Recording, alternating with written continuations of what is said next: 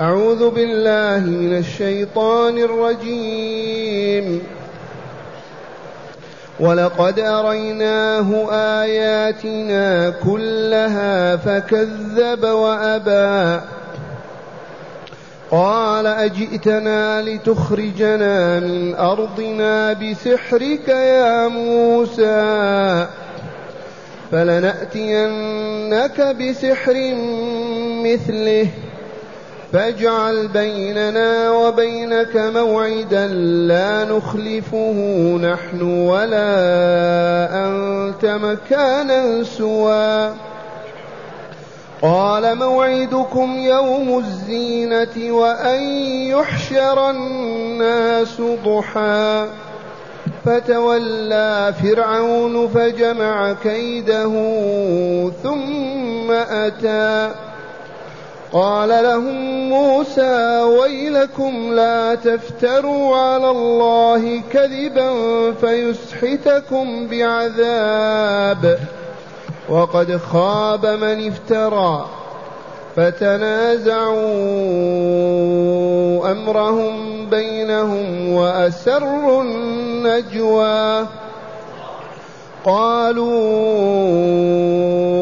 هذان لساحران يريدان أن يخرجاكم يريدان أن يخرجاكم من أرضكم بسحرهما ويذهبا ويذهبا بطريقتكم المثلى. فأجمعوا كيدكم ثم أتوا صفا.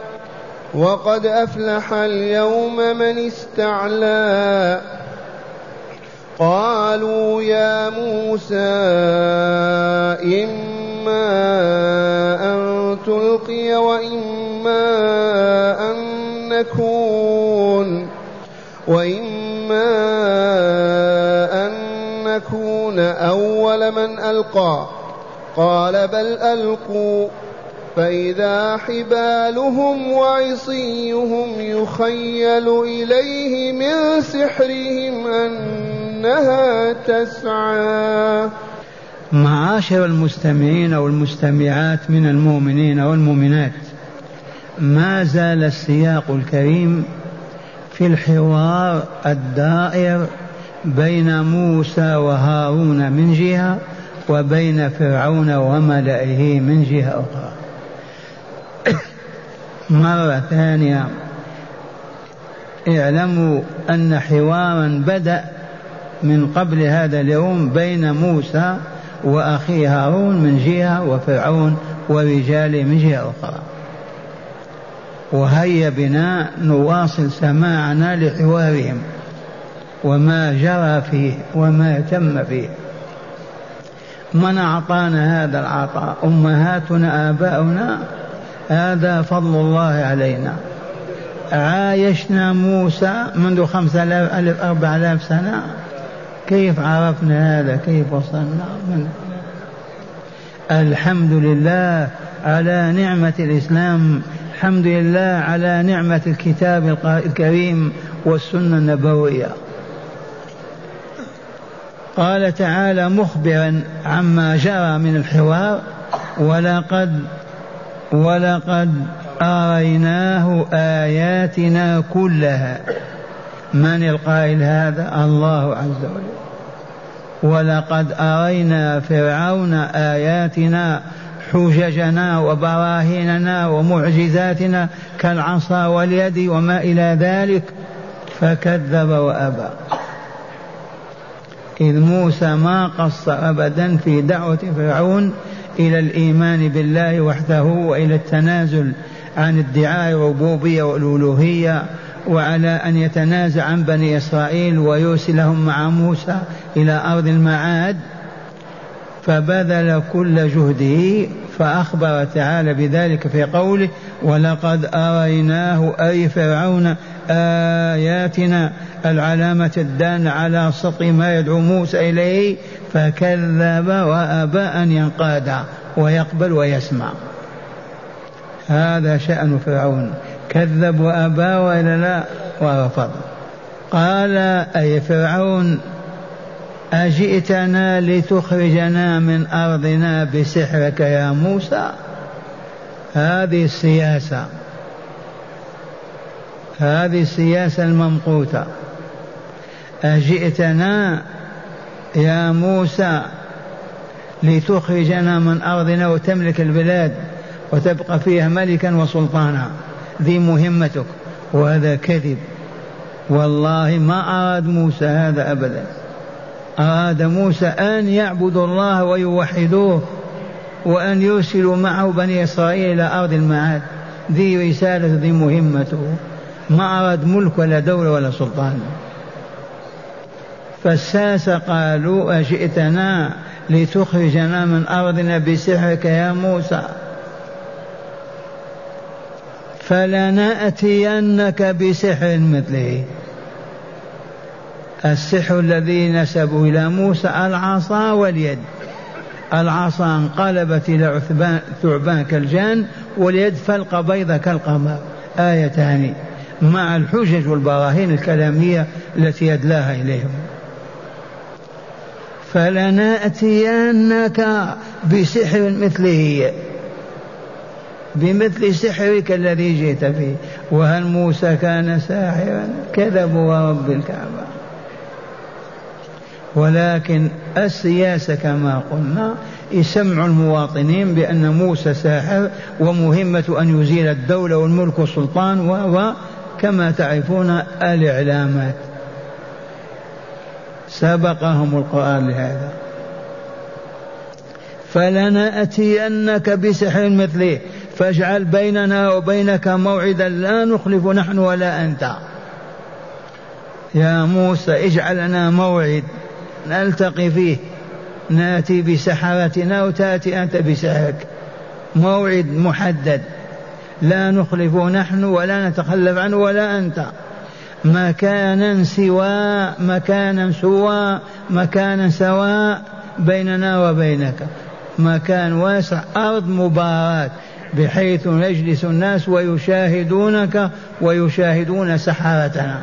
ما في تلال ولا جبال ولا انخفاضات. مكان سوي. هذه مباراة وإلا لا؟ أعظم مباراة وقعت في العالم. فاجعل بيننا وبينك مكانا موعدا لا فاجعل بيننا وبينك موعدا لا نخلف نحن ولا أنت ولا أنت مكانا سوى. بمعنى سواء بيننا وبينك. بما أجاب موسى عليه السلام قال موعدكم يوم الزينة لأن موسى عاش في مصر إلى أن بلغ وإلا لا فعرف أعيادها وأيامها ومواسمها. قال إذا موعدنا وموعدكم يوم الزينة يوم العيد. يخرجون في اللباس الجميل وكذا والأكل الأعياد المعروفة. وأن يحشر الناس ضحى وأن يجمع الناس كلهم في الضحى. ما في ظلام ولا في حتى يشاهدوا بأعينهم. عصا موسى وما تفعل وسحرة فرعون وما ينتجون. هكذا قال لهم موسى عليه السلام. ماذا قال؟ فاجعل بيننا وبينك موعدا. لا نخلف نحن ولا أنت مكانا سواء قال موسى موعدكم إذن يوم الزينة وأن يحشر الناس ضحى. عرفتم ساحة المباراة بحيث من كان قريبا بعيد كل يشاهد. ما في مكان مرتفع أو منخفض سواء. إذا فتولى فرعون. رجع فجمع كيده ثم أتى. قيل جمع سبعين وقيل مئة وقيل آلاف السحرة أتى بهم من كل الإقليم المصري. رجالات السحر لأن السحر كانوا يتعلمونه في مدارس. والآن السحر من يعلمه بنو عمنا؟ اليهود. ما عندهم مدارس معلن عنها لكن هم الذين يعلمون السحر. السحر. أما على عهد فرعون فكان للسحرة مدارس يدرسون فيها ويتخرجون يحسنون السحر. فاجعل بيننا وبينك موعدا لا نخلف نحن ولا أنت مكانا سوى. قال موعدكم يوم الزينة وأن يحشر الناس ضحى. فتولى فرعون عاد من المجلس مجلس الحوار وأخذ يجمع في مكره وكيده ورجاله. ثم أتى في يوم الموعد بعد يوم أسبوع شهر جاء فرعون. إذا قال لهم موسى لما حضروا قال لهم موسى ويلكم العذاب نزل بكم يا ويحكم ودماركم لا تفتروا على الله كذبا فيسحتكم بعذاب. هذه قالها موسى للسحرة ومن وراءهم من رجالات الحكم. ويلكم أي نزل بكم العذاب والويل والدمار. فلا تفتروا على الله كذبا. والساحر صادق كذاب. كل مظاهر السحر كذب. تخيلات فقط. ما في السحر حقيقة أبدا. كلها تخيلات يسحرون بها العيون والقلوب. فيسحتكم بعذاب ويزيل وجودكم. وقد خاب وخسر من افترى وكذب على الله وادعى أنه على الحق وهو على الباطل. هذه كلمة موسى تزن الدهر وما فيه. ماذا قال لهم؟ ويلكم لا تفتروا على الله كذبا فيسحتكم بعذاب. وقد خاب من افترى. وهنا قال تعالى فتنازعوا أمرهم بينهم وأسروا النجوى. فتنازعوا أمرهم بينهم السحرة. منهم من قال هذا ما يكون ساحر هذا ما هو إلا رسول. هذا كيف يقول هذا الكلام وهو ساحر ما عندنا هذا. وآخر قال كذا. اختلفوا. وأصروا النجوى الذي اتفقوا عليه وهو أن يبارزوا ويقاتلوا فقالوا وفرعون على رأسهم إن, إن هذا قراءة سبعية. إن هذا. وقراءة ورش إن هذا لساحر مبين. إن هذا لساحر إن هذان لساحران. وهذا يعود إلى لغة العرب. إما أن تكون إن بمعنى ما هذان إلا ساحران. نافية. وإما إن للتشديد وجعل لغة العرب أن اسمها يبقى مرفوعا في التثنية. إن هذان لساحران. ولا حرج. ولو شواهد في لغة العرب. إن قلنا إن هذان ما في خلاف. لكن قراءة إن هذان لساحران. ما قال إن هذين لساحرين. يريدان أن يخرجاكم من أرضكم. هذه كلمة فرعون ورجاله. يريدان ماذا؟ أن يجلوكم عن الديار المصرية ويبعدوكم عنها ويشردوكم. هذا للإهاجة والتأثير يريدان أن يخرجاكم من أرضكم بسحرهما ويذهب بطريقتكم المثلى بجمالكم وكمالكم وعلمكم ودولتكم. هذه مهمة موسى وهارون. رجلان فقط يستطيعان أن يملك مصر بكاملها لكن بهرتهم آيات الله. ماذا يصنعون؟ فصرحوا بما سمعتم. ماذا قالوا؟ إن هذان لساحران يريدان أن يخرجاكم من أرضكم أرض مصر بسحرهما ويذهبا بطريقتكم المثلى في الدولة والنظام والسياسة والشرف وما إلى ذلك. إذا قالوا فأجمعوا كيدكم. من القائل؟ فرعون ورجاله. أجمعوا كيدكم أي قواكم ما عندكم ثم أتوا صفا. ثم تعالوا صفا واحدا. وقد أفلح اليوم من استعلى وفاز وعلا وقهر. العجب هذا. فأجمعوا كيدكم مكركم وما لديكم من قوى وطاقات. السحر هو كيدهم. فأجمعوا كيدكم ثم أتوا صفا واحدا. وكانوا كذا مئات واحد. لأن الساحة على مدى البصر. فأجمعوا كيدكم ثم أتوا تعالوا صفا واحدا. وقد أفلح اليوم من استعلى أي فاز وظفر. إذا قهر وغلب وعلا واستعلى. قالوا يا موسى هيا. هذه الترتيبات ما تمت في يوم أو أسبوع يعني. ممكن انتظروا العيد بعد شهر أو شهرين. لكن الآيات تبين كيف تم هذا في في ذلك الزمن. قال قالوا يا موسى إما أن تلقي وإما أن نكون أول من ألقى. إما أن تلقي أنت وإما أن نكون نحن أول من يلقي. يلقونهم ماذا؟ حبالهم وعصيهم. هذه الحبال والعصي يدهنونها بالزبرق بالزئبق. وإذا ارتفع النهار ما قالوا ضحى وطلعت وشدت حرارة الشمس ترى تلك الحبال والعصا كلها هاجة تتحرك. مادة الزئبق معروفة. يطلون بها حبالهم وعصيهم. الحبال كذا والعصي لا ندري كم من مئة. ساحة كاملة وضعوها. لما ارتفعت الشمس واشتدت الحرارة قالوا هيا بنا. ألقي أو نلقي. فإذا بالحبال ترتفع وتتحرك والعصي. قالوا يا موسى إما أن تلقي وإما أن نكون أول من ألقى. قال لهم موسى السلام ألقوا. بل ألقوا.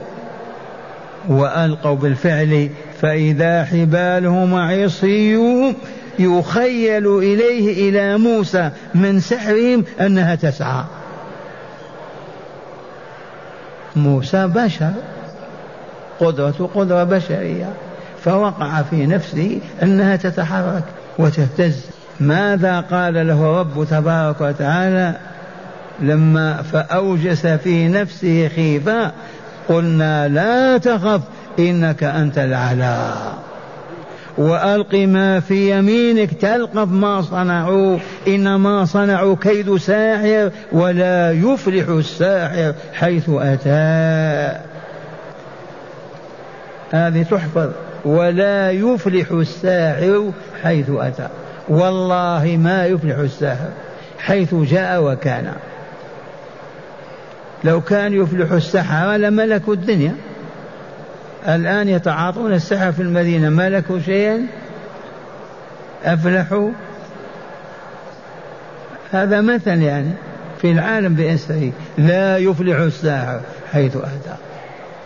إذا نسمعكم شرح الآيات من الكتاب.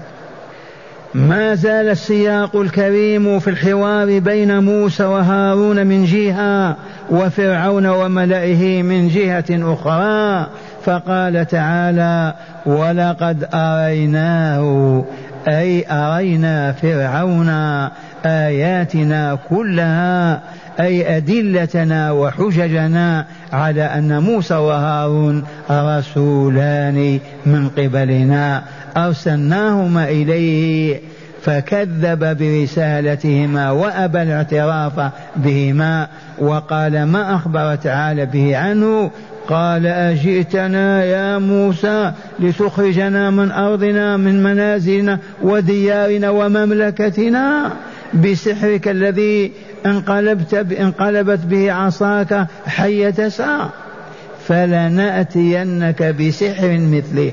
فاجعل بيننا وبينك موعدا نتقابل فيه. لا نخلف نحن ولا أنت مكانا سوى. عدلا بيننا وبينك يكون من الاعتدال والاتساع بحيث كل من ينظر إليه يرى ما يجري فيه من المباراة بيننا وبينك. فأجاب موسى بما أخبر تعالى به عنه فقال موعدكم يوم الزينة وهو يوم عيد للأقباط يتجملون فيه ويقعدون عن العمل. من اختار من موسى هو الذي رأى هذا هو الذي اختاره. وأن ويقعدون فيه عن العمل وأن يحشر الناس ضحى. أي في يوم يجمع فيه الناس ضحى للتفرج في المباراة من كل أنحاء المملكة. وهنا تولى فرعون بمعنى انصرف من مجلسه المحاور للحوار وكله كبر وعناد فجمع قوته من السحرة من لإنقاذ كيده في موسى وهارون لإنفاذ كيده في موسى وهارون وفي الآيات التالية تظهر الحقيقة. وهي وهي قوله تعالى ويلكم لا تفتروا على الله كذبا أي لا تقولوا على الله فتنسبوا إليه ما هو كذب. هذه كلمة موسى وهارون.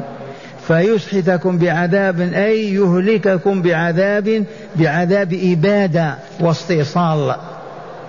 وقد خاب من افترى أي خسر من كذب على الله أو على الناس. ولما سمعوا كلام موسى هذا اختلفوا فيما بينهم. هل صاحب هذا كلام ساحر أو هو كلام رسول؟ من رسول من من في السماء رسول من في السماء وهو وهو ما أخبر تعالى به عنهم في قوله فتنازعوا أمرهم بينهم وقوله وأسروا النجوى أي أخفوا ما تناجوا به بينهم وهو ما أخبر تعالى به في قوله إن هذان لساحران أي موسى وهارون يريدان أن يخرجاكم من أرضكم أي من دياركم المصرية ويذهبا بطريقتكم المثلى أي بإشرافكم بأشرافكم وساداتكم من بني إسرائيل وغيرهم. فيتابع فيتابعهم على ما جاء به ويدينون بدينهما وعليه فأجمعوا أمركم حتى لا تختلفوا فيما بينكم. ثم أتوا صفا واحدا متراصا. وقد أفلح اليوم من استعلى أي غلب. وهذا بعد أن اتفقوا على أسلوب المباراة قالوا بأمر من فرعون يا موسى إما أن تلقي تلقي عصاك وإما أن نلقي نحن فنكون أول من ألقى. فقال لهم موسى بل ألقوا. فألقوا عندئذ فإذا حبالهم وعصيهم وكانت ألوفا فغطت الساحة وهي تتحرك وتضطرب لأنها مطلية بالزئبق فلما سخنت بحر الشمس صارت تتحرك وتضطرب. الأمر الذي خيل فيه لموسى أنها تسعى. ويأتي بقية الحديث في الآيات الاتيه إن شاء الله غدا. والآن مع هداية الآيات. بسم الله والحمد لله. من, من هداية الآيات أولا بيان كبر فرعون وصلفه بيان كبر فرعون وصلفه وطغيانه. تجلى لنا وإلا في الحديث هذا في الحوار. نعم. بيان كبر فرعون وصلفه وطغيانه. ثانيا للسحر آثار وله مدارس يتعلم فيها يتعلم فيها ورجال يحذقونه ويعلمونه. كما سمعتم للسحر آثار تظهر للناس ويتأثر بها الناس وقد يتأذون بها وكان عند فرعون مدارس خاصة بتعليم السحر ويوجد السحر عند اليهود إلا أننا لا ندري كيف يعلمون الناس الآن. بالوسائط. نعم. ثالثا مشروعية المبارزة والمباراة لإظهار الحق وإبطال الباطل.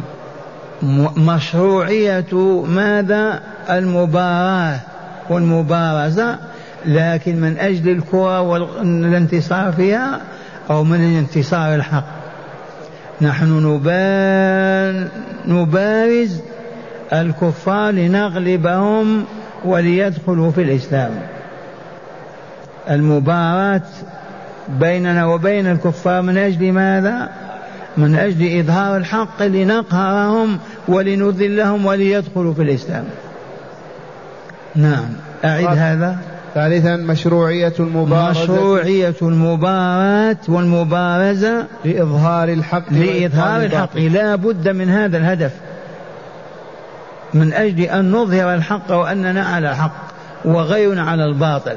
نعم. رابعا مشروعية اختيار المكان والزمان اللائق للقتال والمباراة ونحوهما. مشروعية اختيار المكان اللائق بالمباراة والمبارزة. لابد وكان صالح لذلك. هذا دلت عليه الآية الكريمة. نعم. ومن هداية الآية أيضا حرمة الكذب على الله تعالى وأنه ذنب عظيم يسبب دمار الكاذب وخسرانه. حرمة الكذب على الله تعالى. ومن أظلم ممن افترى على الله كذبا. الكذب على الناس محرم.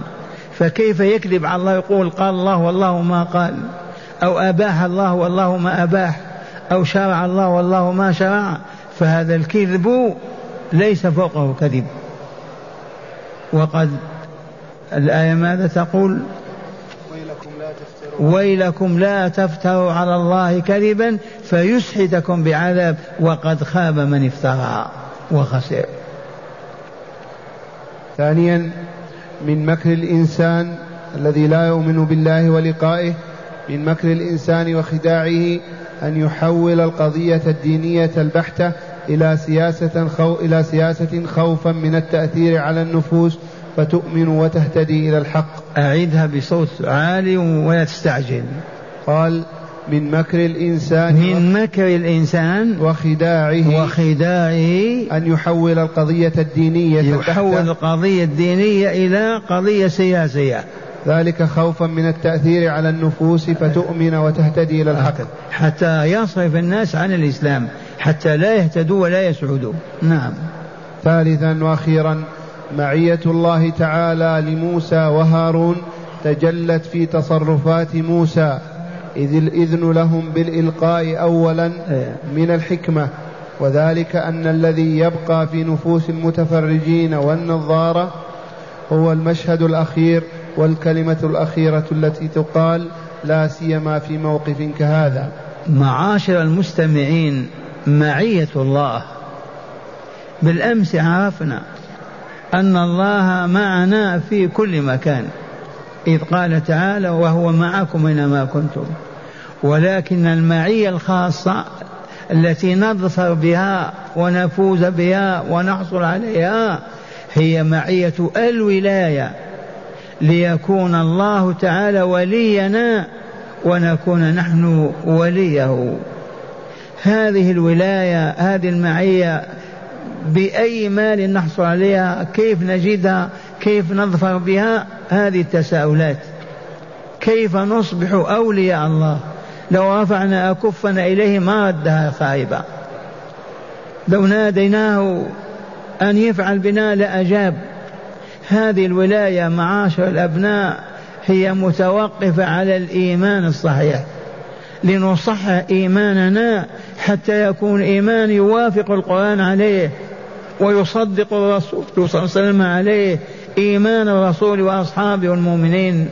ثانيا تقوى الله عز وجل. الخوف من الله الذي يحمل الخائف على أن لا يعصي الله ولا رسوله.